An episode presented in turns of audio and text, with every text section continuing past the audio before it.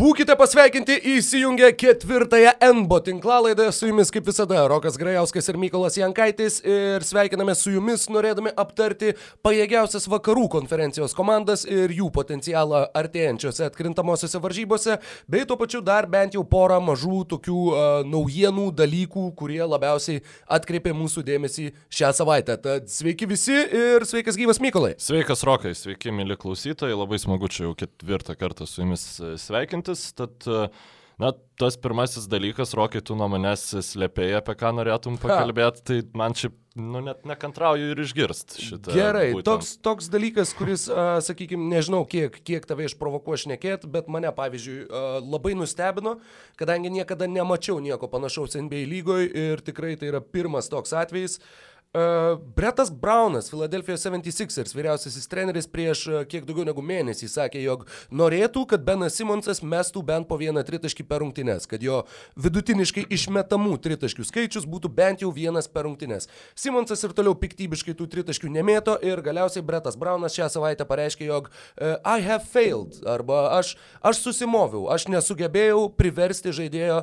mesti tritaškius. Ir man dėl ko šita situacija yra labai keista, tiesiog kaip visų pirma, kaip gali treneris nepriversti žaidėjo, visų antra, kokio velnio žaidėjas galėtų neklausyti tokio trenerio nurodymo ir, ir uh, dar turint omeny ir tai, jog Bretas Braunas, dirbdamas Australijoje, treniravo Beno Simonso tėvą, kai jo tėvas žaidė Australijoje profesionaliai krepšinį, tad santykis lygtai turėtų būti labai artimas. Nu, nebūtinai, žaidėjo, bet... nebūtinai čia, žinai, aš ten jeigu mokais, pavyzdžiui, pas tą pačią mokytoją, kuri ten tavo tėvą moko ir jinai sako, oi, čia Tiksliau, tėvas paskui apie tą mokytoją sako, ne, neklausyk, čia jinai visada nupušus buvo, tai ką tu čia gali žinot. Gal Simons atėtis ir apie, apie Bretą Brauną taip kalba. Man, man tai, vat, e, šiaip šitą situaciją aš kažkaip e, to I have failed nu praleidau, bet kodėl reikia tą eskaluoti, kam, kam reikia kelti tą į viešumą. Mažu Sixeriam trūksta šiaip dramos ten su e, Embido traumomis ir, ir kitais kiekvieną sezoną dalykais. Tai, nu, nežinau. Pat... Panašu, kad tiesiog uh, treneris bando tokiu būdu atkreipti labiau dėmesį, kad jeigu žaidėjas mane ignoruoja, tai tada aš bandysiu kažkaip viešai iškelti tą problemą, bet jisai ją ignoruoja ir toliau. Ir... Nepanašu, kad Braunas labai saugiai turėtų jaustis uh, Sixers uh, trenerio postą, nes, na, sėkming, man sunku įsivaizduoti Popovičių, pavyzdžiui, taip e, kalbant, kad va čia, nu, aš noriu, kad jis bent vieną tritaškį išmestų, arba, nu, šiaip gerą trenerį. E, nors Narsas, pavyzdžiui, buvo pasakęs, kad e, Johnsonas ir Hollis Jeffersonas arba jau žais, do, nu, ta prasme, arba dės pastangas ir žais, arba nedės ir, ir nežais. Ir tada apie tai jokių komentarų. Johnsonas nežaidžia, Jeffersonas žaidžia. Tai, uh, žodžiu, net, net nežinau daugiau ką pasakyti, bet jo, man irgi keista, kad, kodėl Simonsas, nu, reguliarus NBA sezonas, nu, ten gali ten vieną kitą ir pramestą tritašką, gal jam kompleksas kažkoks jau, kompleksas yra išsi, išsivystęs iki to, kad, nu, tiesiog vos ne mar Markel Fulciškas dalykas, kad, nu, tiesiog čia aš išmesiu į mane, žiūrės, aš manęs juoksit, žinai. Nu. Šiais metais jis išmetė penkis tritaškius ir du pataikė. Gal nori pasilikti 40 procentų taiklumą ir apsimes labai gerus sniperius. Galbūt. Nu, nežinau. Tikrai. tikrai, tikrai. Galva neneša, kas per situaciją ir tiesiog norėjau atkreipti dėmesį, kadangi tikrai skaitydamas tas, tas Breto Brauno citatas visiškai antakiai pradėjo lipti lauk iš veido ir tiesiog mum kaip europiečiam iš vis yra, mano manimu, nesuvokiama, kaip tokia situacija gali būti, kur treneris tau duoda instrukcijas, o tu vis vieną jas ignoruoji. Bet na, tai yra tas, ta, ta trumpa įžanga ir trumpas nuokrypis krypis į rytų konferenciją, ties kuria dar liksime dar vienai trumpai mini temai. E, ta mini tema, ją galima įvardinti dviem žodžiais. Tai yra Andre Dramondas. E, Pistons lyg ir jau siekia iškeisti Andre Dramondą. E, mano manimu, pagrindinė to priežastis yra artėjantis jo tapimas laisvojų agentų. Galima atsiminti, jog Pistons ir su Kentavijas Coldwell Pope buvo vienu metu jau sutarę dėl penkerių metų šimto milijonų kontrakto, vėliau mhm. tą kontraktą anuliavo, Coldwell Pope atsidūrė Los Andželė. Tad susidaro įspūdis, jog Pistons tiesiog nelabai mėgsta pasirašinėti devinženklių sutarčių. Jo, tiesiog būtent... geriau išsimainyti žaidėją, kuris turi devinženklę sutartį, kuri jau pasirašyta šitą. jo, Dramondas turėtų būti iškeistas, jeigu žiūrėt taip plikai, be emocijų, bet nežiūrinti tai, kad Ramondas yra, nu, geriausias pastarojo dešimtmečio Pistons žaidėjas turbūt ir panašiai. Nu, norint Pistonsam kažkada pasiekti daugiau negu pirmas atkrintamųjų raundas, Dramondą reikėtų iškeisti.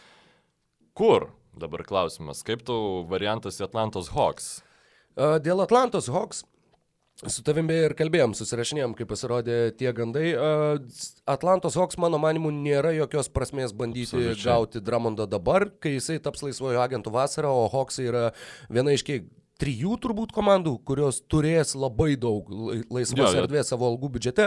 Memphis, Atlanta ir kažkas berots dar vieni, kur galbūt Niksai, jeigu atsikratys tų savo visų negarantuotų dviejų sezonų sutarčių su komandos opcija antriem metam. Tad nėra didelės konkurencijos rinkoje, tu galėsi siūlyti didžiulį kontraktą. Memphis, Andre Dramondo tikrai nemanau, kad labai norėtų ar geistų, tad uh, konkurencija tikrai nebus didelė ir kam tau aukoti kažkokius, uh, sakykime, tuos turimus išteklius, turimus resursus. A, teoriškai taip, tu galbūt išsibandysi krepšininką, galbūt tu išsibandęs pamatysi, kad tau tas krepšininkas netinka ir tuomet tu uh, tos ilgalaikės sutarties ir nepasirašysi, bet iš kitos pusės, sakau, mano manimu, na, viskas priklauso nuo kainos, nuo to, kiek nori gauti Detroito Pistons, uh, turint omeny, kaip jų savininkui Tomui Gorsui uh, labai imponuoja Andre Dramondas, manau, kad jie pigiai jo tikrai neatiduos. Tad kam, sakau, mano manimu, jeigu aš būčiau Trevisas Šlenkas, Atlantos generalinis vadybininkas, aš paskambinčiau, pasidomėčiau, paklausčiau, bet jeigu manęs prašytų, nežinau, kad ir ateities šaukimų arba, arba jaunų talentingų krepšininkų, manau, kad tiesiog padėkočiau ir padėčiau ragelį. Ir su pačiu Dramondu pasišnekėčiau atėjus Liepos pirmai. Po šitų uh, gandų ir ypač paskui pasirodė dar, dar viena naujiena, nes čia Adrianas Vojnarovskis e, pranešė, žodžiu, kad Hoksai yra pagrindinis kandidatas, paskui Berots Štainas dar pranešė, kad tarp suintriguotų, susintrigavusių komandų yra Raptors, Celtics, Dallas Mavericks ir dar kažkas. Tai į Celtics ir Raptors aš visiškai nematau, nu, ką duotų jisai, ta prasme, ką duotų, tai aišku, jis duotų atkovotus kamolius, bet Celtics, kad bandytų sukrepštyti ten iš savo gerų žaidėjų kontraktą ir dar pridėtų kažkokį tai šaukimą, kur nu, tikriausiai tai būtų Memphio šių metų šaukimas.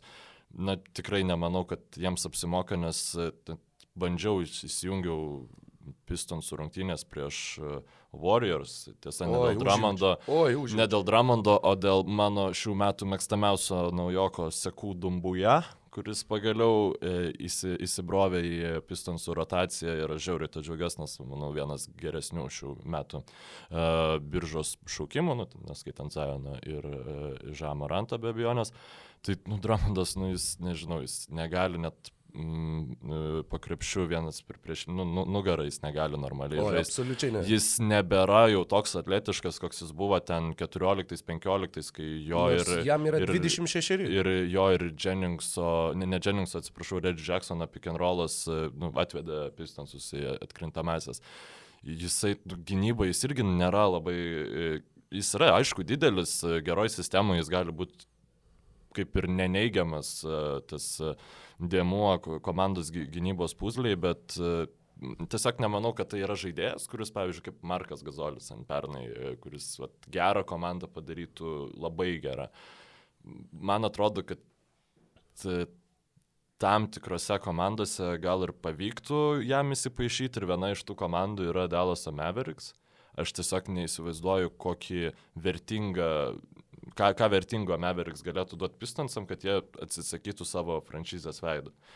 Tai Nes, nu, Dončičiaus ir Dramondo žaidimas 2 prieš 2 su Porzingiu esant, esant šonėm būtų, nu, labai smagus. Aišku, tai jau būtų tik tai 2 prieš 2 į apačią, jau pikant popo, kaip su Dvaitu Pavelu kartais Dončičius sužaidžia, jau neišeitų Mavericksam padaryti. Tai vėl, nu, ne, nematau, kaip, kaip su, sukrapšto to, tuos mainus e, Markas Kubanas. Nu, ne Kubanas, aišku, tas pres, bet šiaip turint omeny, kaip Mavericksai mėgo Deandre Jordaną ir kiek, kaip jie bandė jį prisivilioti, kol galiausiai prisiviliojo, galbūt Dramondas ten ir, ten ir galėtų nusileisti. Į... Deandre Jordanas pats beje buvo iš, iš Teksaso, tikrai mm. nesu įsitikinęs, ar tikrai iš Daloso, man rodos iš Houstono, bet uh, žaidėjas, kuris e, yra iš tos valstijos, e, žaidė Teksaso A&M universitete ir, žodžiu, yra tikras teksasietis ir dar dėl to manau, kad buvo papildomas postumis norėti jį matyti komandoje. Apie Dramondo galima Mavericks įsigymą aš pats norėčiau pašnekėti truputėlį vėliau. Mhm. Tai yra būtent, kai perėsim prie Dallas atkrintamųjų Mavericks. varžybų komandų ir jų uh, potencialo. Tad mes turim pirmąjį vakarų konferencijos šešetą. Pirmoje vietoje šiuo metu sausio 9 duomenimis. Uh, pirmi yra Los Angeles Lakers, antri, treti faktiškai yra Denver Nuggets, Houston Rockets ir Los Angeles Clippers ketvirtoje vietoje, tačiau skirtumas tarp šių komandų yra, na, jo faktiškai nėra.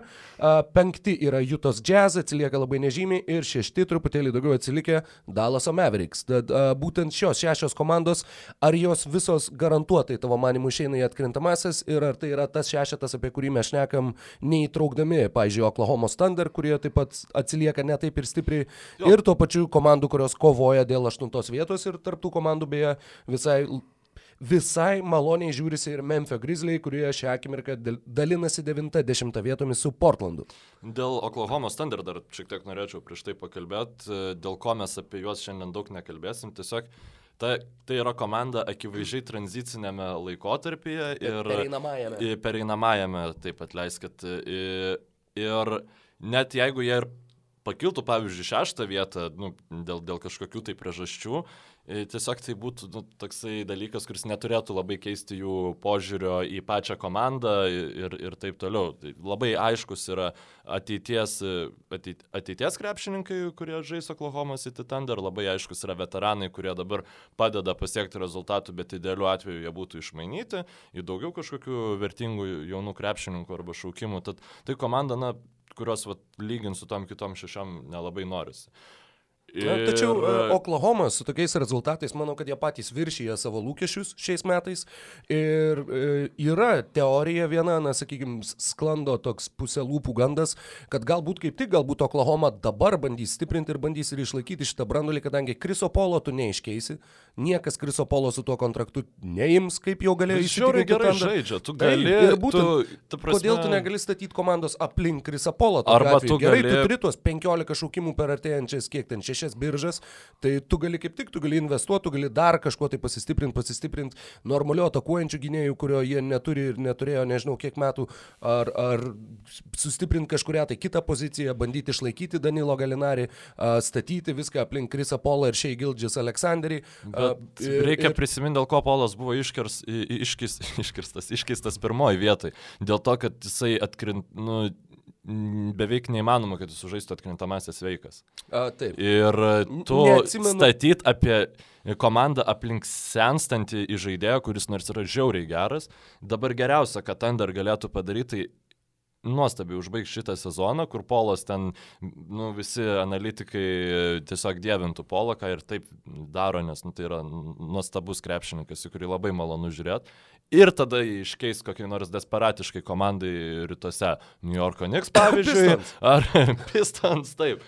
E, Žodžiu, ir, e, na, tikrai šitas scenarius būtų geriausias, nes kontraktas, jisai, nu, Polas yra labai e, gerai senstantis krepšininkas, jeigu atmestumėm tas traumas, bet vis vien dar keturis metus, tai wow. 34 metai jau dabar, gegužė bus 35, tad nuo Lebrono atsilieka maždaug pusmečių, o kiek mes šnekam apie Lebrono uh, amžių, lygiai taip pat galim šnekėti ir apie Krisą Polą ir plus, Dabar kaip ir minėjau. Ar nesumelavau, ar keturiems, ar trim metam dar, nes paskui dar ket, keturis metus, gal dar tris vis dėlto. Dar tris, man Dar atrodo, tris, tačiau dar. tuoj, tuoj patikslinsiu, ar tikrai, nes pasirašė penkerių metų su Houstonu, taip, ir tai buvo šie metai, ne, iki 2022. Jo, dar keturis, sakau, jis turi. Iki tą žaidimą. 2022 tai yra tik tai dar porą sezonų po šito sezono.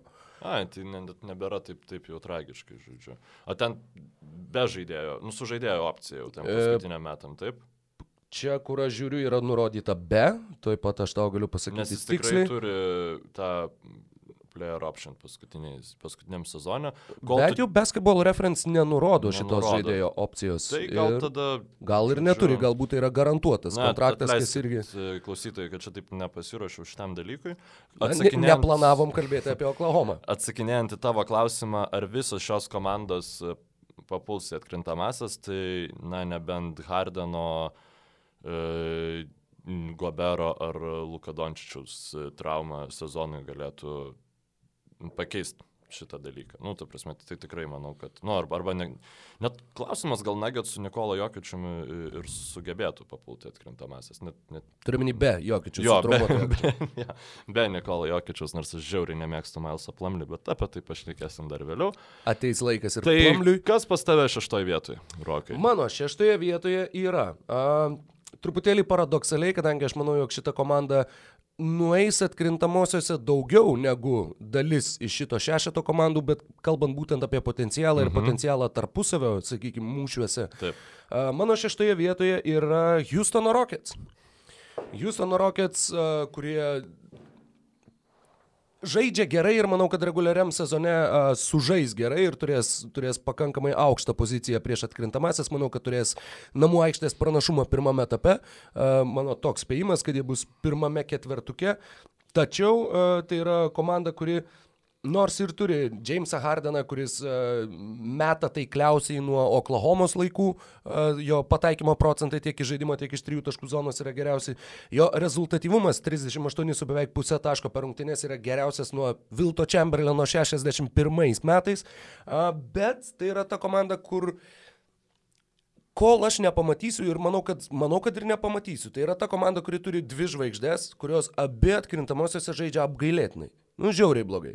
Kiekvienais metais siaubingai sužaidžia tiek um, Hardanas, tiek Russellas Westbrook'as. Bet tai, nu, tu kalbėjai apie atkrintamasis prieš e, Golden State Warriors. Net apie Hardaną kalbu, ne apie ne tik. Galima atsiminti San Antonijaus Spars ir, ir Žinobilį blogą. Atsiminti seriją prieš šitas jazz, kur jazzai ten bandė tą akrobatinę gynybą. Nu, ten jazz tiesiog. Ir, ir jie buvo Pernai, pra, praeitą savaitę tu kalbėjai apie tai, kaip Celtics beviltiškai galiausiai atrodė prieš Bucks ir aš tiesiog prisiminiau, va šiandien dar važiuodamas e, link tavęs, kaip, nu, kaip aš tikėjus, Jutas Jazz gynybos e, supančiančias Houston Rockets ir buvo priešingai. Ir tiesiog e, tai yra, na, aš Rocketsus turiu anksčiau, mes vėl pradėjom nuo milžiniško mhm. nesutikimo.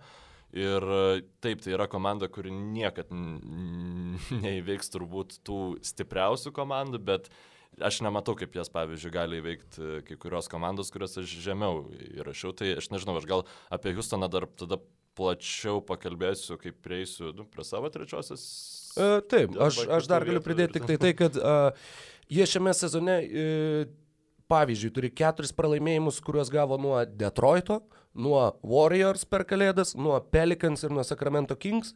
Jeigu jie būtų laimėję šitas ketverias rungtynes prieš komandas, prieš kurias, nu, privalėjo laimėti iš tikrųjų, jie šiuo metu turėtų tiek pat pralaimėjimų, kiek Lakers ir žengtų pirmojo, antrojo vietoje vakaruose. Tad reguliariam sezone, sakau, tai yra komanda, kuri, kuri turėtų susirinkti tas pergalės. Kalbant apie tą gynybą, Jutos Jazz, mano manimu, pernai taip bandė išradinėti dviratį, kad galiausiai nuo to dviračio ir, ir nusivertė. Bet ten problema buvo ir džiazų polimas. Nu, ta prasme, kad taip, er, Erikas oi, Gordonas abejo, abejo. visiškai suvalgė Mitchellą, kas e, man buvo... Tai, vis, tai ir buvo priežastis, kodėl Juta atliko Maiko Conley mainus ir kodėl apskritai keitė savo komandą ir būtent bandė savo suteikti daugiau jėgos polime. Bet dar grįžtant prie Houstono, Žinau, kad jau man atrodo kalbėjau, žinau, kad man atrodo. Berots, kad jau kalbėjau apie rungtynes, kurias jie žaidė su San Antonijaus Spars e, ir pralaimėjo po dviejų pratesimų. Tos rungtynės man vis dar stovi prieš akis kaip iliustracija to, kaip Jamesas Arnas žaidžia tada, kai yra na, pačios svarbiausios minutės, kai spaudimas yra pats didžiausias. Ir nepatingėjau pasiknis, susirasti ir surasti, kaip jisai atrodė būtent pratesime. Pratesime Hardenas turėjo du metimus iš dešimties iš žaidimo, vieną rezultatyvų perdavimą ir tris klaidas. Ir tuo pačiu Russellas Westbrookas irgi savo firminėm pievom irgi skandino komandą ir na, komanda galiausiai ir pralaimėjo po dviejų pratesimų. Tad tai yra, sakau, tai yra dar viena iliustracija, kuri dar sėki pabrėžia, kad na, tai nėra tie du krepšininkai, kurie uh, kurie būtent galėtų kažkaip psichologiškai teisingai save sustiguoti, sukalibruoti ir sužaisti tada, kai to labiausiai reikia komandai. Ir todėl man atrodo, kad dar ypač su dviem šitais krepšininkais, na galbūt komanda uh, Klinto kapelos negalima nurašyti, žaidžia puikų sezoną šiais metais. Erikas Gordonas grįžo po traumos, turėtų įsibėgėti. Kodėl Klintas kapelas žaidžia puikų sezoną? Pasakyk man, kodėl, Mykolai? Dėl to, kad jis žaidžia su vienu iš labiausiai nemėgstamų krepšininkų lygoj. Dėl, dėl to, kad ta komanda žaidžia Russellas Westbrookas. Vesbrukas, e, nu, tu vakar numetė į tą, kad jisai ten žiauriai neefektyviai iš visur atakuoja. Ir aš tau sakiau, ir aš ir žiūrovam noriu pasakyti, kad Vesbrukas niekada nebuvo toks geras, kaip apie jį kalb, buvo kalbama. Visi tikrai nėra toks blogas, kaip apie jį dabar yra ta populiarioji nuomonė. Ir pavyzdžiui, tie jo prametimai, kai jisai prasiveržia po krepšių ir nepataiko, jis tai 70 procentų, nu gerai, čia visiškai iš kepurės ištrauktas skaičius, bet tikrai žiauriai didelis procentas tų metimų yra tiesiog saldainiukas e, jo komandos centrui, ar tai būtų Adamsas, ar tai būtų Kapela, jisai atsikovoja tą kamolį ir savo pasiema atkovotą kamolį palime, pasiema du taškus, o Vesbrukas pasiema netaiklų metimą ir savo polimo efektyvumo mažinimą. Tai žinok, nu, tikrai turint omeny, kaip kapela pernai reguliari, reguliariam sezonė atrodė, kur ten nu, buvo pagrindinis mainų kandidatas, kad, žodžiu, jau e, pastoviai buvo kalbama, kad Rokės čia reikia kažką daryti, reikia išmainyti kapelą, o dabar jisai, nu, yra, wow, nu, atrodo vėl, kad tai yra krepšininkas, kurį mes matėm prieš du metus. Tai Tu sakai, kad uh, Hardanas ir Vesbrukas na, prastai žaidžia paskutinę minutę, aš su to nesiginčioju. Hardanas iš vis, e, dabar atsiminiau, per kažkurį podcastą girdėjau, kad, žodžiu, E, paėmus tas klač e, minutės, e, kuriuose žaidė Jamesas Hardenas, jis iš vis labai nedaug tų minučių, mhm. kad at, atkaklaus krepšinio paskutinę minutę, kad ten taškas į tašką atkrintamos. Plius minus penki taškai ir penkios minutės arba mažiau. Jo, ir, ir tai turint omeny, kiek Hardenas šiaip žaidė atkrintamosiose, tai yra jokingi skaičiai, ten yra gal 3, 20 minučių, vėl ne, tikrai ne, ne, nepasirašiau tikslios šitos statistikos, bet tai yra nu, jokingai mažai, jeigu palygintumėm ten su kitais krepšininkais, ten to pačiu Kawhi Leonardu ir panašiai. Tai e, Rocketsai turi tą, kad jie arba nuneša komandą, arba žaidžia ten taškas į tašką ir paskui paleidžia, nes Hardenas ten mėto nesąmonės. Bet kas tada iš gerai, Dalasą žinau, ką pasakytum, bet apart e, e, Los Andželo komandų iš Denverio ir, ir, ir džiazų, ka, ka, kas būtų tie krepšininkai, kurie jau pas, paskutinę minutę baisiai temtų komandą Mitčelas? Ir Jokičius, ar Gary Harrisas. Tai yra nebūtinai paskutinės minutės, atkrintamosios ne, jau iš karto yra, yra vis, visai kitas psichologinis svoris. Ir sakau, metai iš metų tiek Jamesas Hardinas, tiek Russellas Westbrookas vis atsimuša į, tą, į tas lubas. Westbrooko atveju tos lubos iš vis labai žemos, Hardino atveju kiek aukštesnės, pakanka susidurti su Warriors. Ir, uh, tie patys Warriors galima atsiminti, jog laimėjo ir, ir su traumuotais žaidėjais, ir žaisdami be lyderių, ir kaip tik tai norėjo, taip ir išmetinėjo Houstoną. Manau, jog bet kuri iš, iš likusių šio šešetuko komandų turėtų visus šansus pasimti roketus šiais metais atkrintamosiose, kadangi kitos komandos tikrai yra labiau subalansuotos, yra stipresnės negu pernai ir yra a, daug grėsmingesnės mano asmeniniu Man, manimu. Prašau pasakyk, kaip Denveris ginsis nuo Hardeno su Jokičiu aikštelį. Tu nu, ne, ne, neįsivaizduoju, ta prasme. Uh, aš, nu tikrai, Rocketsai mano priešingai, pavyzdžiui, nes, nu, praeitą podcastą sulaukiau labai daug kritikos, kad, vat, mano meilė Raptorsam, žodžiu, ten susigriovė mano pro, objektivumą prognozavimą ir aš jas per aukštai įdėjau. E, aš šį proketsų nu, žiauriai nemėgstu, aš visada Warriorsus palaikiau, net su Durantu, kad NBA fanų iš vis yra nusikaltimas Warriorsus palaikyti e, prieš juos žaidžiant, bet nu, tai, kaip jie šiaip suvalgo savo visus op oponentus apart Warriorsų. Aš jų laiminčių prieš Los Andželo komandas nematau tiesiog, nes jie nu, neturi, kas galėtų gintis prieš Lebroną arba... arba PJ Tuckeris. E, nu taip, jisai pakankamai yra komandų, kurios net PJ Tuckerio neturi, bet prieš Leonardą ir Paulo Džordžą irgi. Na, tai tiesiog tai, ne, nematau, kodėl turėtų sukelt problemų šitam dviem komandom, bet Hardeno, nu, tiesiog, net pamirškim Vesbruką, vienas Hardenas, manau, yra pakankamai, kad Denverio Nuggets net, net neturėtų jam atsakymų, net ir atkrintamųjų serijų. Uh, Tai yra komanda, kuri visą sezoną žaidžia, jiem nereikia keisti savo žaidimo stiliaus atkrintamosiose. Jie taiko tą pačią besikeičiančią gynybą, jie žaidžia tą patį krepšinį vienas prieš vieną, kuris yra, nu ten iš vis yra komedija, jie po to isolation plays, po žaidimo vienas prieš vieną pelno 24 taškus. Ats, atspėk antrą komandą ir kiek taškų ir kiek jinai pelno. Neįsivaizduoju. Nu, bet maždaug spėk. Jeigu pirma komanda 20, 11 taškų 11. ir daugiau nėra ne vienos komandos, kuri bent 10 pelnytų. Na, ir ir mes, kaip žinom, vienas prieš vieną metą. metą Ir mes, kaip žinom, baudas. atkrintamosiose, e, tai čia net atmetus baudas. Taip, Ir, taip. e, me- Atkrintamosiose žaidimo vienas prieš vieną, nu, jo, jo padaugėjo, nes komandos geriau išnarplioja vieną kitą ir tu tos derinius visus, nu, tu jų nebegalėjau taip efektyviai naudoti kaip reguliariajam sezonui.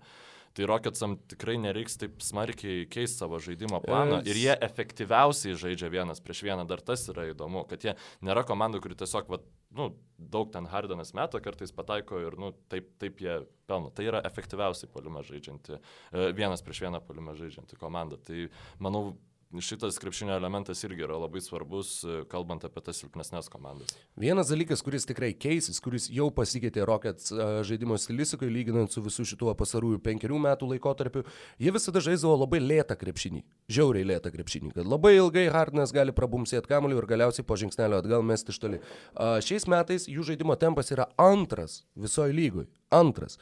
Ir tas būtent, kur kalbant apie tai, jog nereikės keisti žaidimo stiliaus, tokiu tempu atkrintamosiose tu nepažaisi. Atkrintamosiose krepšinis gerokai sulėtėja. Ir, ir tai bus neišvengiamai prievolė keisti tą žaidimo stilistiką, kadangi nebus tiek greitų kontratakų, nebus tokių medžioklės plotų Russellui Westbrookui ir bus taip pat dar vienas iššūkis, kaip, kaip pakeisti tą žaidimo stilistiką. Dar vienas dalykas, kurį noriu atkreipti dėmesį, į kurį noriu atkreipti dėmesį, kalbant apie Rockets, tai yra tai, jog jie atleido žmogų, kuris išstūmė iš komandos Carmelo Anthony.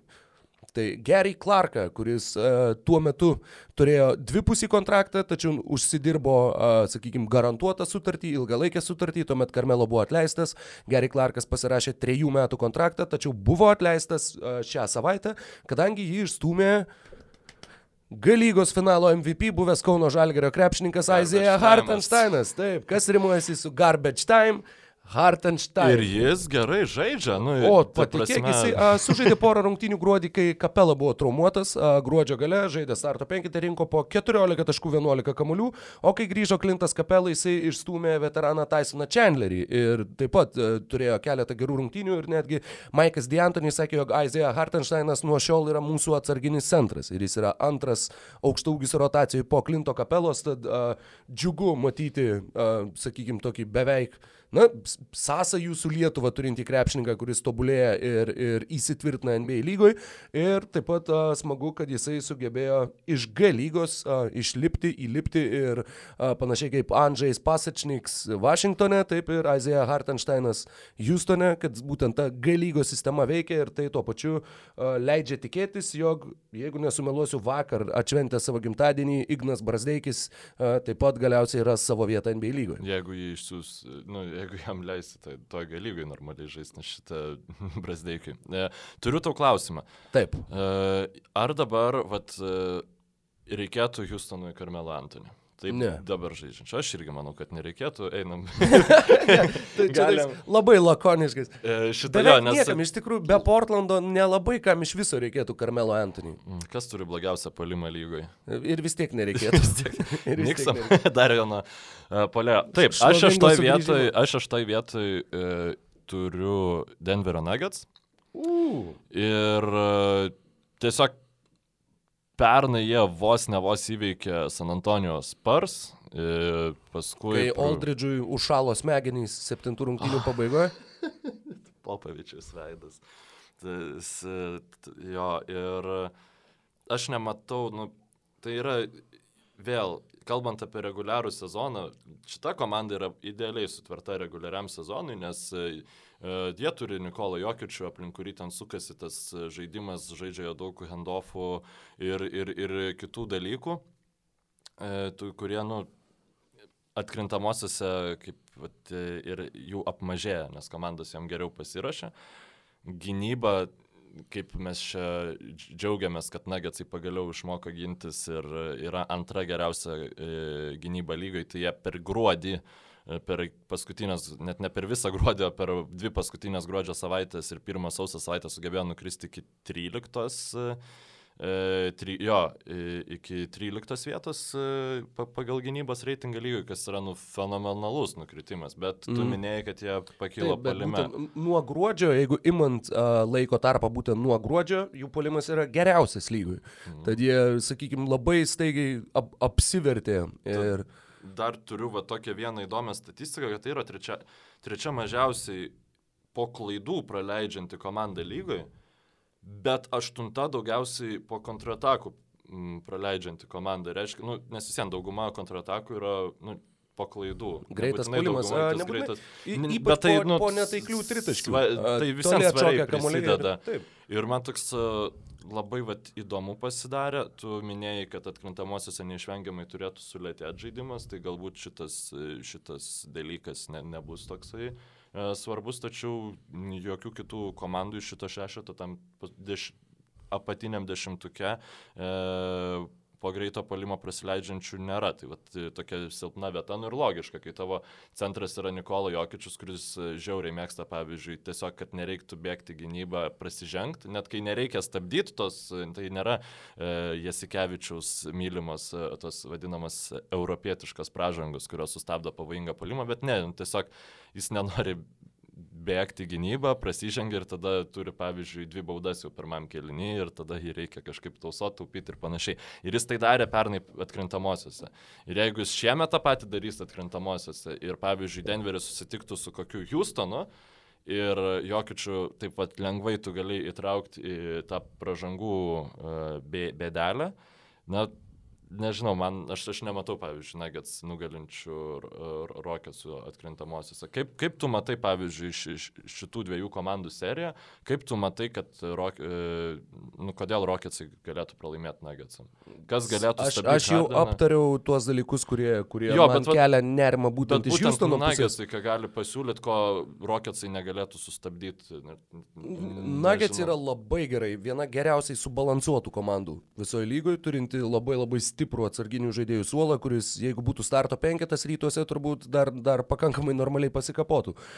Ir tai yra komanda, kuri Užpernai jie pralaimėjo tas paskutinės rungtynes prieš Minnesotos Timberwolves, kur jeigu būtų laimėję, būtų išėję į atkrintamasis varžybas. Uh, tad jie turėjo tos papildomos Jo, tas- motivacijos, papildomo, papildomo postumio. Uh, pernai taip pat buvo per plauką nuo e, konferencijos finalo, kur iš tikrųjų buvo žiauriai prieskas konferencijos Taip, ten, pusfinalis. Ir...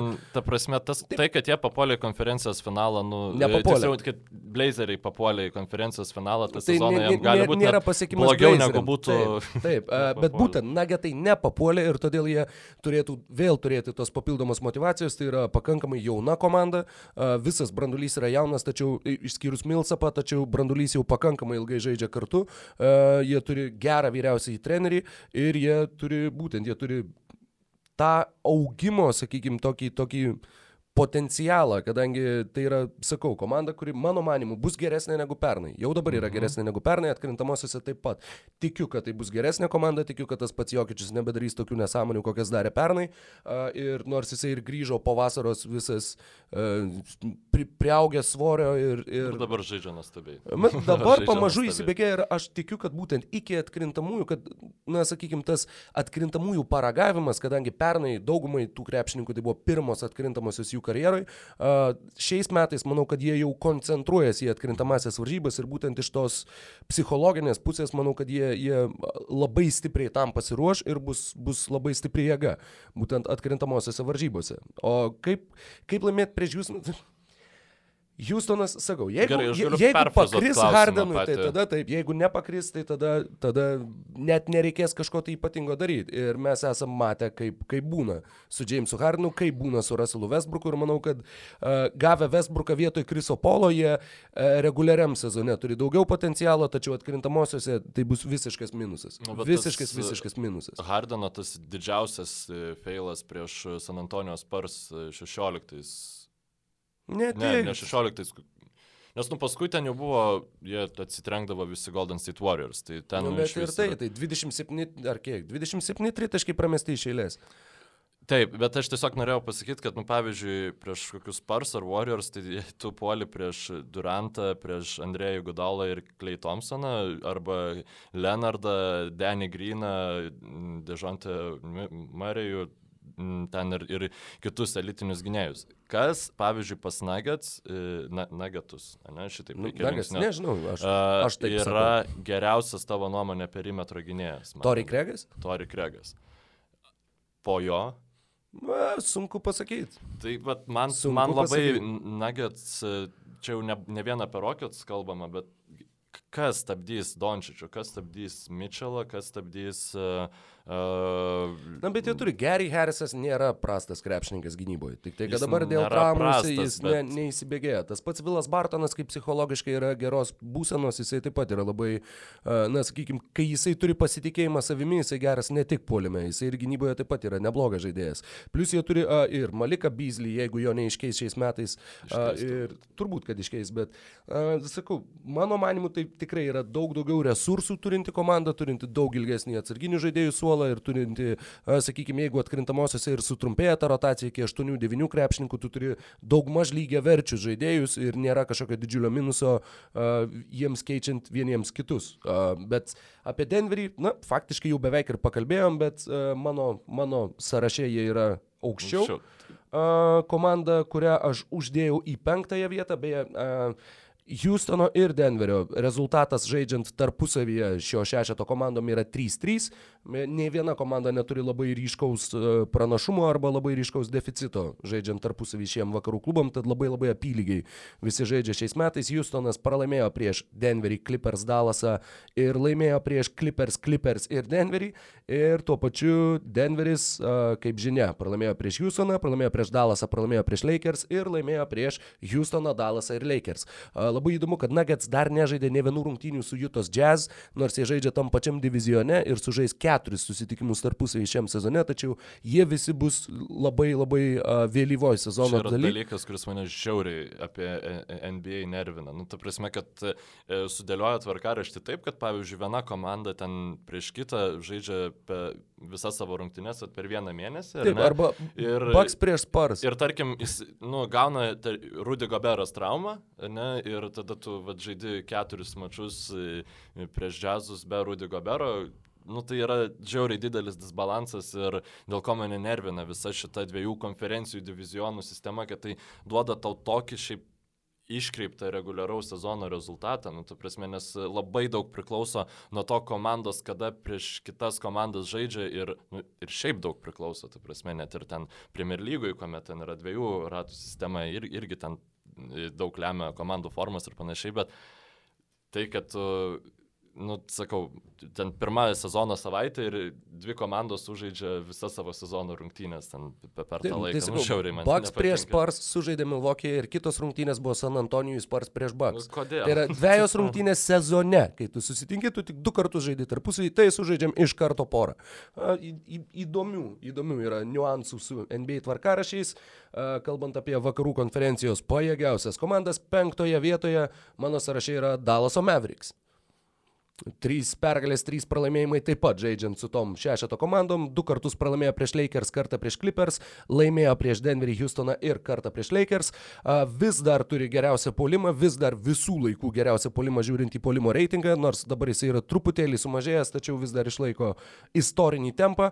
Tai yra komanda, kuri turi absoliučiai vidutinišką 16 gynybą lygoje šiuo metu tarp 30 komandų. Ir kalbant apie apie, kitą, apie kitus statistinius rodiklius, jie yra dešimti pagal puolime atkovojimų kamolių procentą ir gynyboje atkovojimų kamolių procentą septinti pagal bendrai atkovojimus kamolius yra trečia mažiausiai klystanti komanda po Spars ir lygiai su Portlandu, e, septinta geriausiai besiginanti prieš tritaškius, aštunta mažiausiai baudų išmesti leidžianti komanda ir tai yra tos tos jų stipriosios dalys, kalbant apie, apie likusią komandinę statistiką ir kalbant ne apie puolimą. Sakykime, gynybiniai pusiai sunku matyti, kur jie turėtų dar potencialo ir kur jie galėtų dar pasitemti atkrintamosiose, tačiau ir kalbant apie puolimą, Bus labai įdomu matyti, kaip atrodys Dalasas tada, kai atkrintamosiose ir manau, kad ten neišvengiamai bus dvigubinama gynyba labai agresyviai prieš Luką Dončičių ir uh, kaip jie spręs tą problemą, kadangi dabar, kai jie susiduria su tokiom situacijom, uh, jų visas polimas išsiderina uh, ir, ir Dončičiaus būtent indėlis yra tiek svarbus komandai, jis yra toks, uh, sakykime, kaip tokį didelį krūvį nešantis variklis, kad jį bent kiek pristabdžius komandos žaidimas labai labai smunka. Ir... Ai, dar norėjau pabaigti, atsiprašau. Galiu, žinok, dar tęsti čia pakankamai ilgai. Nes aš į, būtent į šitą norėjau uh, pareferuoti, uh, atkrint, uh, jų puolimas atkrintamosiose, tai man irgi yra labai įdomu, aš Mevericksus šiek tiek aukščiau turiu, nors jie yra tam mano apatiniam tre, trečiajame krepšelėje, uh, kur, kartu su kitom dviem komandom. Uh, bet man tai pakankamai aišku, ką jie darys, kai dvigubins Dončičių, nes uh, e, tokią statistiką išsitraukiau, kad mane nu, nu, priblaškė. Dončičius tritaškis meta 33 procentų taiklumu. Tai nu, ne, nėra geras e, pataikymas, bet tai yra beveik, uh, nu, 35 procentai yra tas procentas, kai skaitosi, kad jau tu efektyviai meti tritaškus, žodžiu, nu, kad jau tau atsiperka okay. tie metimai. Ir Dončičius su 33 procentų taiklumu yra ketvirtas blogiausias komandos metikas. Reiškia, už jį blogiau meta tik tai Marijanovičius, Pavolas ir Justinas Jacksonas.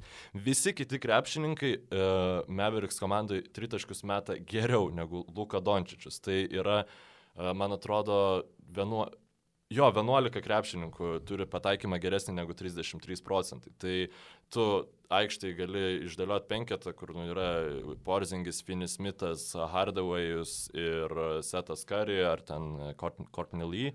E, nu gerai, gal labiau Setas Curry, kurie, okei, okay, nežinau kaip jie apsigins, bet laisvą tritaškį tai tikrai įmes ir labai smagu, kaip Hardawayus šį sezoną žaidžia tas pats Setas Curry, jis taip pat vis blikstelna, taip tikrai labai fainai ir man atrodo, kad su ta dviguba gynyba nu, vienas pagrindinių elementų, kurį, kurio reikia krepšininkui, norint ją įveikti, yra e, gebėjimas padaryti neįtikėtiną perdavimą per e, skersai per aikštelę, tai Dončičius, Dončičius vienas iš dviejų krepšininkų, turi. iš trijų e, šito sąrašo, kuris gali tą padaryti. Tai Neįsivaizduoju, aš irgi, nu, nėra matyta šita komanda at, e, atkrinta, atkrintamosiose. Pagal tai, kaip jie žaidžia polime, e, juos buvo galima ir dar aukščiau, nu, ta prasme, juos buvo galima ten ir trečią kokią vietą dėti ir panašiai, aš jų ten nedėjau, nes tiesiog yra tas neužtikrintumas, kaip jie atrodys atkrintamosiose. E, vienas dalykas, kuris, kuris kaip kontrargumentas tavo išsakytom, išsakytiem statistiniam, na, statistikai negalima kontrargumentuoti, tačiau tavo išreikštai pozicijai. Sausio pirmos, tiesa, duomenimis, bet tų klač minučių, lemtingų minučių metu, tai yra dar kartą plus minus 5 taškai, bet kurią pusę ir mažiau negu 5 minutės likusios rungtynėse. Dallaso Mavericks puolimas būtent šio, šitose atkarpose mhm. yra 28 visoje lygoje ta komanda, kuri istoriškai efektyviai puola būtent tada, kai yra tos svarbiausios minutės, būtent tada, kai dažniausiai yra dvigubinamas Luka Dončičius, jų puolimas tampa visiškai neefektyviu. Tad čia yra, sakykime, tas indikatorius, įdomu, kuris, kuris ir parodo, kad atkrintamosiose jiems lengva tikrai nebus. Ir apskritai, pavyzdžiui, pralaimėtose rungtynėse Dončičius minėjai 33 sezone, laimėtose jisai meta 39 procentais tritaškius, pralaimėjimuose 23. Tad jeigu tu pristabdai Dončičius metimus, dar Dalasas pralaimi ir, ir, ir atvirkščiai, na, ta pati, tas pats priežastingumo ryšys. Tad uh, labai labai silpnai, tuo pačiu tomis minutėmis uh, įtampos minutėmis. Tik 36 procentais iš žaidimo meta Dončičius ir tik 22 procentus tritaškių. Tai yra ženkliai prašiau negu pernai, pernai buvo 45 ir 30 atitinkamai, tad jau dabar jam yra skiriamas didesnis dėmesys savaime aišku ir jau dabar jisai su tuo dėmesiu kol kas tvarkosi sunkiai. Bet žinoma, tas pats Jerry Vestas sakė, kad Dončičius yra dar tik pakrapštė savo potencialo paviršių ir kad jisai bus geriausias Mavericks visų laikų žaidėjas ir kad uh, Jerry Vestas to žodžiais jam malonu stebėti genijaus darbą. Šiaip e, tikrai, nu, jūs turite, ta prasme, nepagalvotum apie Dončičių kalbėdamas, kad jis yra žiauriai ten greitas krepšininkas ir panašiai, bet jis pastoviai e, sugeba praskuost pro, pro jį besiginančius žaidėjus. Nu, tiesiog yra labai e, glumina netgi matyti, kaip jisai nu, varos varos tą kamolį ten ir staiga jis jau paliko už nugaros tą savo savo oponentą, žodžiu, tai jis nu, labai sugeba teisingai judėti su kamoliu, man atrodo, tai irgi yra krepšinio elementas, kuris atkrintamosiose nu, turėtų sugebėti prie pastovaus spaudimo. Aš spėju, kad jisai sugebės pritapti. Nu, to prasme, gal, galbūt jis bus žiauriai blogas pirmose rungtynėse ir ten Meveriksai ten pralaimės labai stipriai ir tada Dončičius nu, už, užsives ir, ir, ir bus viskas gerai. Labai norėčiau jų ir Houstono e, seriją pamatyti tą Teksaso pilietinį mhm. karą, mm. kaip kažkada Kinijos e, e, transliuojanti komanda e, šitas rungtynės apibūdino. E, Nes neturi tiksliau, žodžio derbis, ar ne? Jo, jie neturi žodžio derbis, tai pas juos yra civilinis karas, žodžiu. Ir e, dvi komandos, kurios labai kol kas prastai žaidžia paskutinėmis minutėmis, tai būtų smagu. Mano, kalbant apie Mavericks, mano svajonių atkrintamųjų varžybų serija šiais metais yra, va čia netgi stovi figūrėlės, tiesa, Porzingis su, su Niksų marškinėliais, bet uh, Luka ir Kristapas prieš Lebroną ir AD būtų tiesiog, na, aš neįsivaizduoju, kas pritrauktų daugiau dėmesio viso pasaulio mastu. Tai būtų, na, mūšių mūšis. Ir tikiu, kad 0-4 Mavericks ne, nepralaimėtų tos serijos, nors žinoma, Lakeriai būtų favoritai. Vienas dalykas, kurio aš bijau dėl Dalaso Mavericks, yra uh, labai panašios, sakykime, sąlygos. 2014 e, m. gruodis, jie turi 19 pergalių ir 8 pralaimėjimus, jie turi geriausią polimą visoje lygoje mhm. ir nusprendžia tą polimą dar truputį sustiprinti, apskritai sustiprinti sudėtį ir, ir uh, kovoti dėl čempionų titulo. Ir Mavericks išsiunčia Brandoną Wrightą, Jamyrą Nelsoną, Jay Crowderį ir šaukimus, kurie vėliau tapo Geršonu Jabuselė ir Demetrijusu Jacksonu už Dvaitą Powellą nu, ir, ir Ražoną Rondo. Ir tie mainai būtent ir nužudė tą komandą ir visiškai sunaikino visą tą malonumą, su kuriuo žaidė aikštėje. E, Rondo absoliučiai netiko tai komandai ir tuo pačiu visiškai rovėsi su Riku, su Riku Karlailu. Ir dėl to aš labai bijau, kad jie nepadarytų kažko panašaus. Aš labai nenoriu, kad jie pasimtų Andrę Dramondą. Jokių būdų, jokių būdų. Kadangi galų gale jie turės labai daug uh, erdvės algų kepuriai, na kaip labai daug, jie dar turės erdvės, kol jiem nereikės mokėti Dončičiui uh, maksimalaus kontrakto ir iki tada jie dar gali bandyti pasirinkti kažką tai kitokio. Tai yra Bet vienas žinok, dalykas, palauk, tai yra iš komandos sorry. komplektacijos pusės. Kitas dalykas, visi penki žaidėjai, tu kaip ir minėjai, visi penki šiuo metu išplečia aikštę, visi penki gali būti už tritaškio linijos ir tam pačiam Dončičiui operuoti aikštėje yra daug lengviau, kai tavo vidurio polėje stovi ties trijų taškų linija. Andrė Dramondo tu nepastatysi ties trijų taškų liniją ir tos visos puolimo arterijos labai greitai užsikimštų. Tai būtų toks puolimo cholesterolis Dalos mytybos sistemoje ir, ir tikrai, tikrai nei už ką nenoriu matyti Andrė Dramondo Dalase, nors tą akimirką atrodytų labai įdomi ir būtų, o kaip atrodys. Mano manimu, visiškai neatsipirktų toks įimas ir sakau, puikiai atsimenu, kaip atrodė Ražonas Rondo su Meveriks marškinėliais ir kaip atrodė labai įdomu ir kaip tai tapo visiškai absoliučia katastrofa. Ir žinoma, brėžti na, dėti lygybės ženklo ir, ir brėžti lygiai grečios linijos tai situacijai negalima, bet uh, mano manimu, jie apskritai, jie taip pat, jie viršyje savo lūkesčius. Jie, na, prieš sezoną buvo kalbama, kad gal sėkmės atveju, gal jie išeis į atkrintamasias. Dabar jie, jie yra, sakykime, pralenkę tą savo komandos, komandos vizijos uh, kalendorių ir manau, kad jiems nereikia skubėti ir, ir nereikia uh, bandyti peršokti iš karto trijų griovių, o būtent reikia kantriai statytis tą komandą. Tas pats Porzingis dar tikrai nežaidžia aukščiausių savo, savo uh, gebėjimų lygių ir, ir taikytis į titulą, na, galbūt kitais metais. Gal, žinoma, kovoti dėl jo galima ir šiais metais, bet nepadaryti nesąmonės, būtų, būtų mano didžiausias palinkėjimas Dalasui šiame sezone. Jo, aš irgi nematau prasmės e, Meveriks dėl to, kad biški sutvarkyti savo kovojimą dėl kamolių, pasiimti Andrę Dramondą, nu, ne, ne, tikrai ne. Tačiau aš to, dėl ko ten norėjau šiek tiek įsiterpti, dėl jų uh, vietos uh, algų kepurėje, tai ten uh, nėra ten labai gera situacija, nes jie Pavalui tą kontraktą pasiūlė, kuris nuo kitos sezono berots įsigalios, ar jau nuo šio įsigaliojo. Nuo šio. E, nuo šio įsigaliojo ir e, šis, šį tarp sezonį jie, nu, iš esmės nebus tų labai į, į, įdomių laisvųjų agentų ir ten jau 20, 21 metais jau tikrai nebe, nebegalės pasiūlyti tiek, kiek galėtų pasiūlyti kitos komandos. Net... Būtent 21-aisiais ir turės pakankamai, na, žiūrės į dabartinę sudėtį. Jie, jie turės uh, Na, Kiek prognozuoja? Dar truputį pasistengti.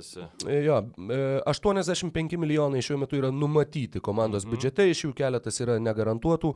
Pavyzdžiui, Aizėja Rauby negarantuoti 1,7 milijono, negarantuotas ir Bransono kontraktas. Ir Bransoną jie turbūt norės. Bransoną aš manau, kad jie, jie norės pasilikti. Ir... Tikėtina jog, bet e, labai norėdami jie gali atsilaisvinti maksimalios vertės, sakykime, erdvę. Kita vertus, šiaip. 221, jie... Janio Antetokumpo vasarą, Kawai Polas Džordžas gali tapti laisvaisiais agentais. Yra, yra visa eilė tų žaidėjų, kuriuos galima taikytis. O jeigu tu pasimsi Andrą Dramondą ir prasitęsi su juo kontraktą, ne, tai tu ne, tokios ne. galimybės neturėsi. Tad iš tos pusės sakau, tai būtų visiškai, visiškai nelogiškas ir, ir nesveikintinas ėjimas. Maksimum, ką jie galėtų, ta prasme, padaryti, tai pasimti, ne, nu, žodžiu, rišam Dramondą te, temą, tikrai niekas nenori ten matyti, apar to, kad būtų įdomu matyti pick and rollą su, su Dončičium, bet visai kita masė. Pick and popą su Pavelu, jau geriau jau. Jo, Gerai, tavo penkta komanda. Penkta komanda, tai aš mm, džiazus turiu penktoje vietoje, tiesiog mm, manau, kad jų problemos polime. Nu, klausimas, jeigu Konli po traumos sugrįš ir jisai įsilies į, į, į komandą taip kaip uh, E, taip kaip e, žaidė Grizzliuose praeitą sezoną ir taip kaip buvo tikimasi, tada aš juos e, dėčiau aukščiau Meveriksų. Tačiau dabar manau, kad tai, ką polime turi Dalaso Meveriks, yra stipriau negu tai, ką gynyboje turi Jutas Jazz. Ir manau, kad polime nepakankamai yra stumoklių galinčių. Bogdanovičius labai man patinka, jo, jo pridėjimas prie Jutos Jazz labai mane intriguoja ir jis tikrai gerai žaidžia. Mišelo progresas irgi mano lūkesčius visiškai pateisino ir e, atrodo krepšininkas labai gerai. Klausimas, ar jis yra pakankamai elitinis krepšininkas, kad galėtų stumti visą džiazų polimą taip, kad e, jie laimėtų prieš komandas, kurios turi tos elitinius krepšininkus polime. Tai yra Rockets, Clippers. Lakers, komanda tam ir įsigijo Conley, kad tau nereikėtų, jog vienas Mitchellas e, Taip, bet kol kas ne, nėra priežasties galvot, kad Conley labai juos stumtels į aukštesnį lygį, nes nu, nu, kol kas neveikia. Tai galbūt veiks ir aš atrodysiu visiškas kvailys, kai e, džiazai ten suvalgys kažkuria iš komandų, kurias aš padėjau aukščiau, tačiau uh, na, jie reikia nepamiršti ir gynyboje nebėra tokie stiprus, kaip buvo praėjusią sezoną. Jeigu tu Taip. įveli, į, į, įveli Goberą į kokį 2 e, prieš 2 į, į, į viršų žaidimą, tau atsiveria baudos aikštelė ir yra lab, labai sunku, nu, nebėra krepšininkų, kurie gali ateiti padėti, kas ateis padėti po krepšių Bogdanovičius, kuomet pernai Crowderis galėjo ateiti tas pas Derekas Favorsas tose kitose uh, penketuose. Tai Na, aš matau, tai gali būti problema žaidžiant prieš tas geresnius polėjus turinčias komandas. Nuggets žemiau džiazų padėjau grinai dėl to, kad manau, kad jie labai gerai e, yra geras priešininkas. E, jiems yra geras priešininkas Denverio Nuggets komanda, nes na, Goberas puikiai gali gintis prieš jokiečių ir ten nėra kažkokių elitinių daugiau krepšininkų galinčių sukelti problemų perimetrą. Tai Aš galiu iškart tęsti apie jazz, tai yra ketvirta komanda mano sąrašiukė, tad e, eilės tvarka sutampa, tik tai pozicijos ne visai.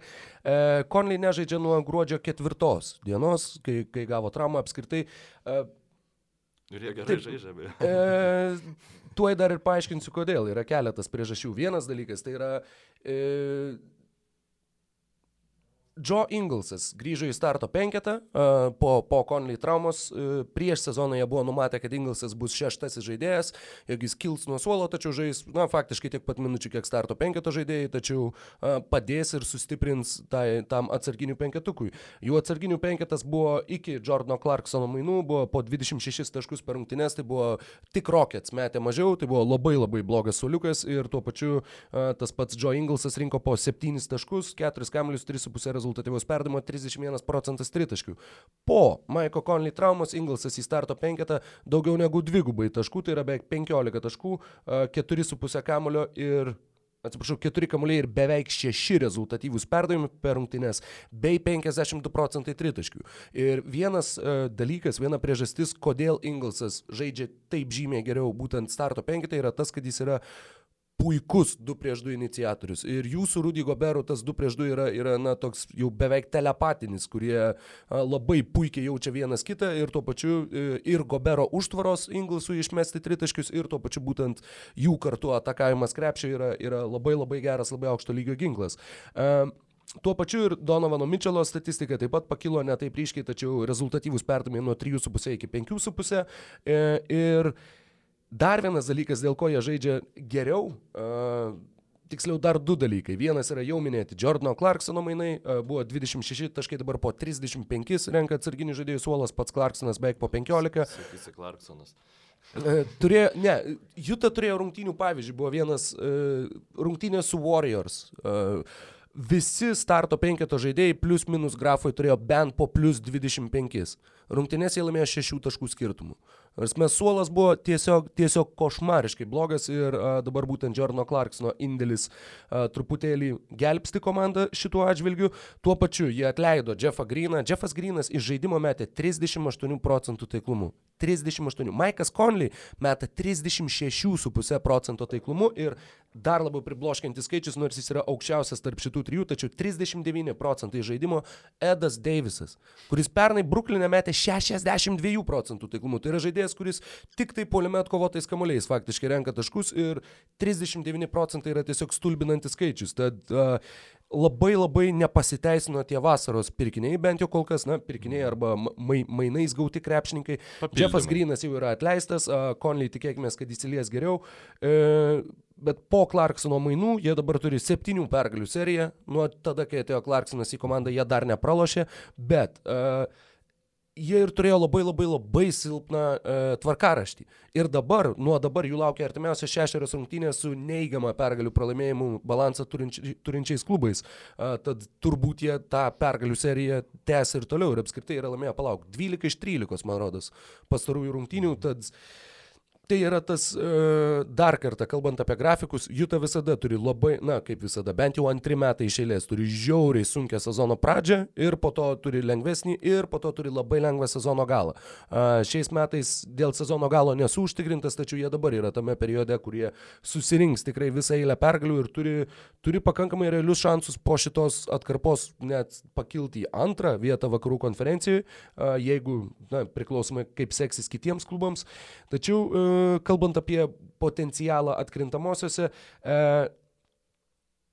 tose rungtynėse ir vėl gerai, įtampos minutėse, įtemptose rungtynėse, kur yra plius minus 5 taškai, šiais metais yra 16 pergalių ir 6 pralaimėjimai ir tai yra jau daugiau pergalių negu per visą praeitą sezoną, kai jų rezultatas buvo 15 ir 18 pralaimėjimų, tad komanda būtent žaidžia gerai tomis, tomis įtampos akimirkomis ir sugeba ištraukti rungtynes, ko nesugebėjo padaryti pernai. Tad tai taip pat yra didžiulis komandos progreso signalas, integravus tą patį Maiką Conley ir tikintis, kad jisai bus bent kiek arčiau to, kaip atrodė Memphija, jie turi dar, sakykime, neišnaudotų resursų ir tuo pačiu, jeigu jiems pavyks susirasti kažkokį efektyviau žaidžiantį atsarginį vidurio polėją, kadangi dabar Eda Davisą pamažu nukonkuruoja Tony Bradley, Yra kuris toksai, buvo trečias, trečias vidurio polėjas ir taip pat yra na, visiškai negalintis mesti 3 metrai nuo krepšio, jau, jau jisai nemeta, tik iš po krepšio verčiantis taškus, tačiau pamažu, pamažu įsibėgėjantis, bet jam taip pat dar gerokai trūksta uh, iki to, kad jisai būtų atkrintamųjų varžybų lygio aukšto ūgis. Jeigu tokį pavyks susirinkti kažkokiu tai būdu gauti Jutos džiazams, tuomet jie tikrai turės, turės solidų potencialą atkrintamosioms. Dar paskutiniai du skaičiai. Iki Conley traumos jie turėjo 10 geriausią gynybą ir 23 polimą lygoje. Po Conley traumos jie turi 11 gynybą lygoje ir 4 polimą. Tad uh, žiauriai, žiauriai pasikeitė komandos uh, žaidimo stilistika, būtent Inglesą gražinus į starto penketą ir dabar taip pat uh, tiek, tiek jazz forumuose, tiek jazzų apžvalgininkai uh, diskutuoja, ką reikės daryti, kai grįž Conley, ar Inglesą vėl dėti ant suolo, ar kaip spręsti tą problemą, ar Royce O'Neillą gražinti ant suolo, tad uh, bus, bus klaustukų jutai, bet uh, žinant, uh, Quino Snyderio darbo lygį ir apskritai Jutos ir, ir mm, klubo valdybos profesionalumą, manau, kad jie tas problemas išsispręs ir jie tikrai bus labai pavojingi atkrintamosiose varžybose. Um, dėl, būtent dėl Ingulso žaidimo 2 prieš 2 norėjau pareferuoti, mačiau šiek tiek rungtynių prieš New Yorko Knicks, irgi tokius labai įspūd, prieš įspūdingą komandą ir Na, taip. tapo Beje, gan... tik, tik vieną trumpą intrapą. E, du kartus abejo savo rungtinės sezono Niksam pralošė Dalaso Mavericks. ir Knicksai atsikeršijo už Porzingį, taip. e, Running, e, tas, nu, running joke. e, run, jo, visi Mavericks fanai, tas sako, tu čia ir mes Niksam du kartus šeilės pralaimėjome šitą. Žodžiu, uh, kodėl Ingulso tas žaidimas 2 prieš 2 yra toks efektyvus uh, šiuo metu? Mano nuomonė yra dėl to, kad tiesiog nu, nu, Mitchellas Robinsonas, pagri- pagrindinis Niksų centras, e, nu, jis ne, nežino, kas yra tas Joe Inglesas. Man atrodo, vis dar ne, nežino ir nu, nežino, kad jisai de, devynis kartus iš dešimties jis pasuos pribėgęs prie baudos aikštelės, o ne... Mm, Nesutikčiau. Nu, jis tikrai žymiai dažniau pasuoja ne, ne, negu metai. Ir Nu, jis priima teisingą sprendimą. Prie, prie jo nereikia taip bėgti, kaip reiktų bėgti na, prie kokio Jameso Hardeno ar ten Luka Dončičiaus. Prasme, jam jau uh, įbėgus į baudos aikštelę. Tu gali šiek tiek vėliau pribėgti, ypač nu, būdamas didesnis ir atletiškesnis. Uh, ir atkrintamosiose pernai visiškai ne, neveikia šitas Ingles apie pick and rollas. Nu, Rocketsai visiškai išjungia ir manau, kad gali jį išjungti ir kitos komandos. Tai mm, tiesiog e, labai daug e, džiazai laimi dėl to, kad vėl suka tos e, derinius, e, ku- kuriems nu, nėra pasiruošusios komandos ir atkrintamosiose nemanau, kad Inglso ir Rudy Gobero rollas bus toks galvos skausmas komandom. Gali būti, kad e, jis jau šiek tiek pakeitė savo žaidimo stilistiką šį sezoną, gal tas mano e, ma- matytos rungtynės, jos, nu, šiek tiek yra iš konteksto išimtas dalykas, tačiau ar pats galvotum, kad Inglso ir Gobero rollas yra derinys, n- nuvesantis jų tas džias iki, nežinau, vakarų konferencijos finalo. Iki konferencijos finalo sunkiai, todėl jie ir yra ketvirtoje vietoje vakaruose pagal Bet pajėgumą. pirmą raundą, manai, Pirmą ga- raundą- galės praeiti, jau kaip suprantu. kad tikėkimės, Ketvirtoje vietoje pa- pa- padėjai. Šiaip aš per daug nesiginčiu, pas mane džiazai yra penktoje vietoje, Mavericksai yra aukščiau vien dėl savo potencialo polime. Taip, tad mes tiesiog me- sukeitėm jo, vietom šias sukeitėm dvi vietom komandas, Ir šias tris komandas aš matau ž- žemiau negu aukščiau esančią komandą, kuri yra mano jau, nebent tu dar dėl džiazų norėjai kažką papildyti. E, ne, ne, nieko Jo. nenorėjau. Aš norėjau papildyti dėl džiazų. Labai gaila, kad Ekpe Judokas išvyko iš e, šitos komandos ir nes pernai, kai jie turėjo Favorsą kaip atsarginį centrą, aš galvojau, nu, paimkit, paimkit kas nors Ekpe Judo. Nu, toks geras krepšininkas. Tikrai jisai, kai, kai išeina, jis ne, netrodo prastai.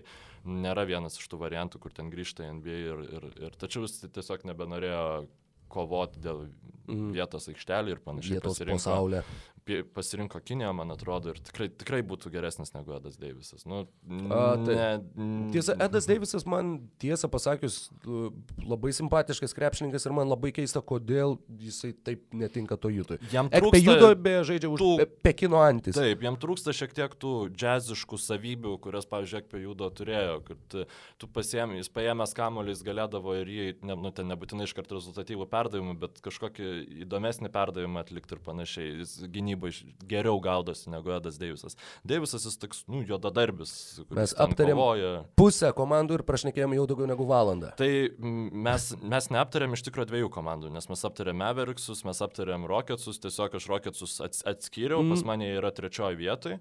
Žodžiu, ir e, kas pas tave yra trečioji vietoje? Trečioje vietoje yra Denverio Nuggets. Denverio Nuggets, kuriuos mes irgi aptarėm. Nebent tu dar papildyt kažką nori. Tai vadinasi, mums liko Los Andželo klubai.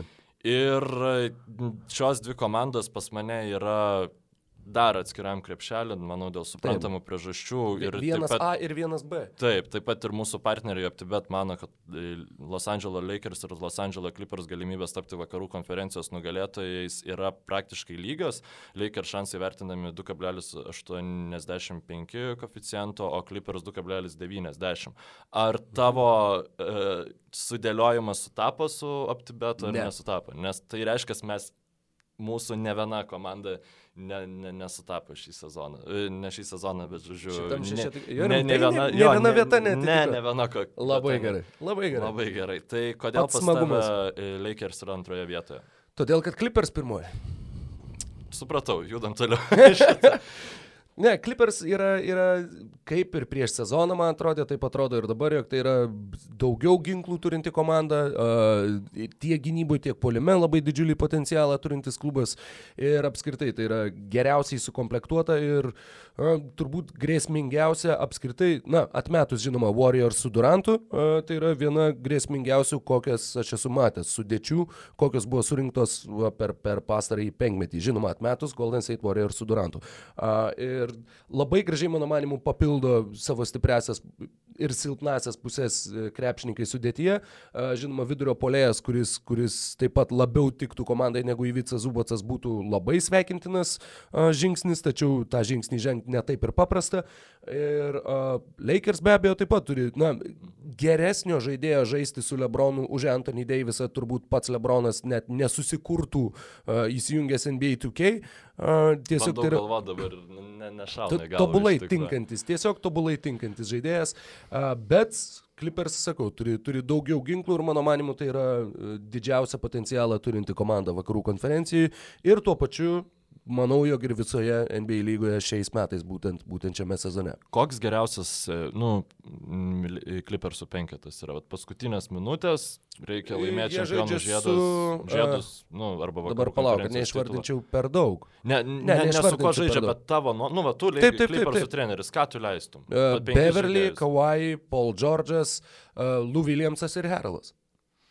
Ar manai, kad Lou Williamsas ir Heralas mm, jų buvimas penkete nebūtų pakankamas kiekis silpnų vietų Anthony Davisui ir LeBronui Jamesui atakuoti. E, klausimas, matai, pernai, pavyzdžiui, jie su Lou Williamsu ir Montrezu Heralu ir be Paul George'o ir Kawai jie sugebėjo iš kiek, iš minus 34 išlipti žaisdami Auckland'e prieš sveikos sudėties Golden State Warriors. Tai nėra, nėra tie krepšininkai, kurie būtų, na, jie nėra elitiniai gynybui, bet jie ir nėra, nėra juodosios skylės, kurias tu, na, jeigu tai yra, sakykime, ilga serija arba, arba kaip tik tos lemiamos minutės, tu gali, e, sakykime, taikytis juos e, ir, ir bandyti specialiai juos įtraukinėti į 2 prieš 2 arba sukurti ūgio pranašumus, sukurti, na, netitikimus gynyboje. E, bet tai, sakau, tai mano manimu, tai nėra tie žaidėjai, na, sakykime, jie nėra tiek minusiniai, kad, kad, kad paskandintų komandos šansus. Um, nežinau, ar dėl ta prasme, tu minėjai, kad prieš sezoną Clippersai buvo tavo didesni favoritai. Mano prieš sezoną Lakers buvo didesni favoritai, galbūt dėl to, nu, nu aš čia visiškai plėšau plaukus, ta prasme, tai negalėčiau prasme, su, negalėčiau išsirinkti nei Lakers, nei Clippers koeficiento laimėti vakarus.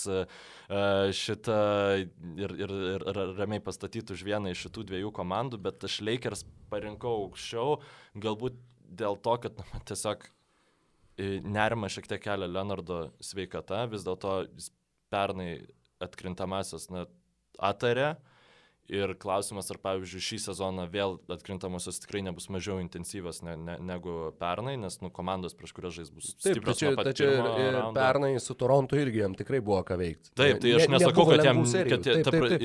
Nu, Bet tuo pačiu, va, taip, e, tai, tai beje yra dar vienas e, argumentas, yra būtent Kawai atkrintamosiose varžybose. Taip, tai pernai, ne, pernai jis, jis parodė, na tikrai.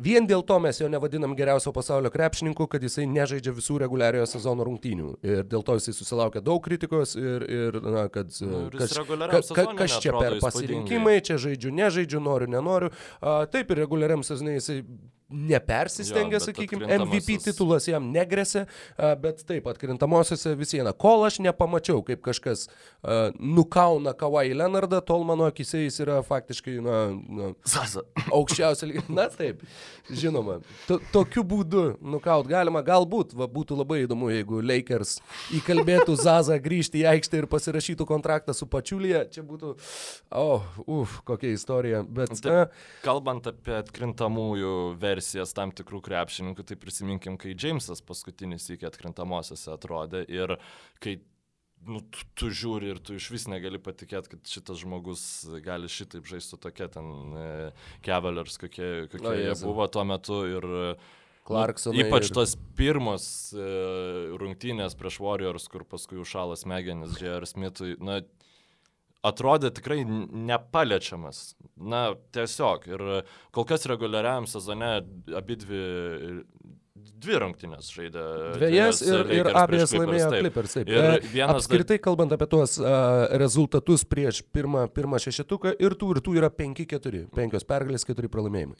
Ir, ir mane nustebino, kad visai nesigavo Deivisui atakuoti Montrezą Harelą, kaip aš galvojau prieš sezoną, kad čia bus, na, uh, Tu prasme, lengvi kaip, pietus. Jo, jo, jo, lengvi pietus, barbekiu vištieną, vadink kaip nori. Bet, Turisto pusryčiai. Bet jau ant, antrose rungtynėse buvo šiek tiek mažiau, tiesiog žymiai mažiau, tiesiog numetimų Deivisui pakrepšių ir, nu, daryk, daryk ką nori, mm. daryk. E, manau, kad vis dėlto Lebrono ir Deiviso rollas atneš čempionų titulą šiemet Los Angeles Lakers. E, na, Tiesiog ir dėl to aš jas padėjau aukščiau, bet e, manau, kad e, konferencijos finalas, jeigu Clippers ne, nesusidirbs reguliariam sezone ir nepadarys taip, kad jo susitiks pusfinalį, nu, kas būtų mm. tiesiog liūdna man iš jo, principo. Būtų, būtų apmaudu, taip. Ir... E, jeigu baigtųsi sezonas šiandien, beje, jie susitiktų pusfinalį. Nu, va, nenoriu, kad tai būtų. Ne, ne, ir, konferencijos finalas manau, tarp dviejų Los Angeles rungtynės bus epiška. Ir spėčiau, kad taip. Jų serijai septynias rungtynės Lakers žais namie. Tas dar yra svarbu. O, taip, septintas. Tas yra svarbu, va, net nepasirašiau šito, bet e, ne, ne septintas, o septyneres, nes e, aikštė Aha. nebus keičiama ir nėra kažkokių ten fanų apribojimų ar panašiai. Ir e, manau, kad tai gali turėti, nu, namų aikštė NBA visiems turi įtakos. Ir, e, dėl to vat, prognozuočiau Lakers, nes jie turės ir teorinį aikštės, namų aikštės pranašumą, ne, atmetus kažkokią traumos galimybę ir vat, tą jų praktinį. Tai dar gal noriu papildyti kažką? Jau... Uh, nežinau, ne, tiesiog labai smagu, kad, kad uh, panašu, jog kelias į finalą vakarų konferencijai veda per Los Andželą neišvengiamai. Mm. Uh, ir, ir smagu, nes niekada nebuvo tokios situacijos, kur uh, vienu metu būtų labai labai galingi tiek vieni, tiek kiti. Uh, Lakerių, sakykime, kai jau Clippers turėjo Lob City, taip, taip pat savotiškai prasilenkė komandos ir, ir nebuvo Kad, to. Paskutinį kartą žaidė kartu atkrintamosiose. Atkrintamosiose kartu, kada žaidė, tai turbūt, nu, kad žaidė, tačiau ar yra žaidę tarpusavyje, įdomu, apskritai kada nors nors, tuoj greitai surasim Kol, kol Rokas klipas, e, ieško, aš tiesiog noriu pasakyti, kad e, mus galite taip pat rasti ir e, podcastam arba tinklalaidėm artimose platformose, tai pirmiausia Podbean platformoje, taip pat Apple podcast, Google podcast ir be abejonės Spotify, ar bet kur kitur, kur jūs randat savo visus mylimiausius podcastus. Ten, jeigu naudojatės uh, balso asistavimo tam programėlėm, tai galite sakyti ten Hey Siri play NBAS ir nieko nesupras, nes, žodžiu, nes... Labai gera reklama. Nesupranta, nesupranta ir, ang, ir anglų, ir, ir šiaip išgalvotų žodžių dažniausiai. Inbes? Inbes? Jo, tai... Tiesiog pasileiskit Spotify'u, parašykit Enbas ir galit klausyti, arba mm, bet, bet, bet kaip kitaip. E, ir... 14 kartų Los Angeles Clippers iš viso klubo istorijoje yra patekę į atkrintamasias varžybas, tai yra nuo 70 metų per pusšimtį metų, vos 14 kartų, su Lakers jie nežaidė nie karto, vis dar. Ir tuo pačiu nie karto nežaidė konferencijos finale. Šiemet nie karto klubas nėra nuėjęs. Šiemet, šiemet bus pirma serija istorijoje? Jeigu bus, taip, tai bus o pirma. Gali nebūt. Gal ir gali nebūt, ką gali ne, žinoti. Nu, traumos, dar kažkas. Ar kas nors gali įveikti Lakers ir Clippers? Traumos. Jo, traumos gali įveikti Lakers ir Clippers. Taip. Na ką, tai pagrindinė. Pa, palinkėkim tiek, tiek klausytojams, tiek mūsų aptariamiem krepšininkam, kad traumų nebūtų ir iš esmės aptarę vakarų konferencijos uh, pagrindinės ir pajėgiausias komandas, e, na, žiūrėsim, ką, kągi aptarsim kitą savaitę. O dabar dar e, mūsų, e, ne mūsų Basket News visų podcastų Patreonai galės išgirsti atsakymus į savo klausimus, labai rekomenduojam prisijungti ir ten galėsit visada užduoti klausimus tiek, tiek mūsų, tiek kitom Basket News tinklalaidėm ir kars nuo karto į juos bus atsakoma. Tad su didžiaja dauguma klausytojų atsisveikinam, o su Patreonais dar susitiksim 20 minučių, jau ten porą klausimų. Yeah.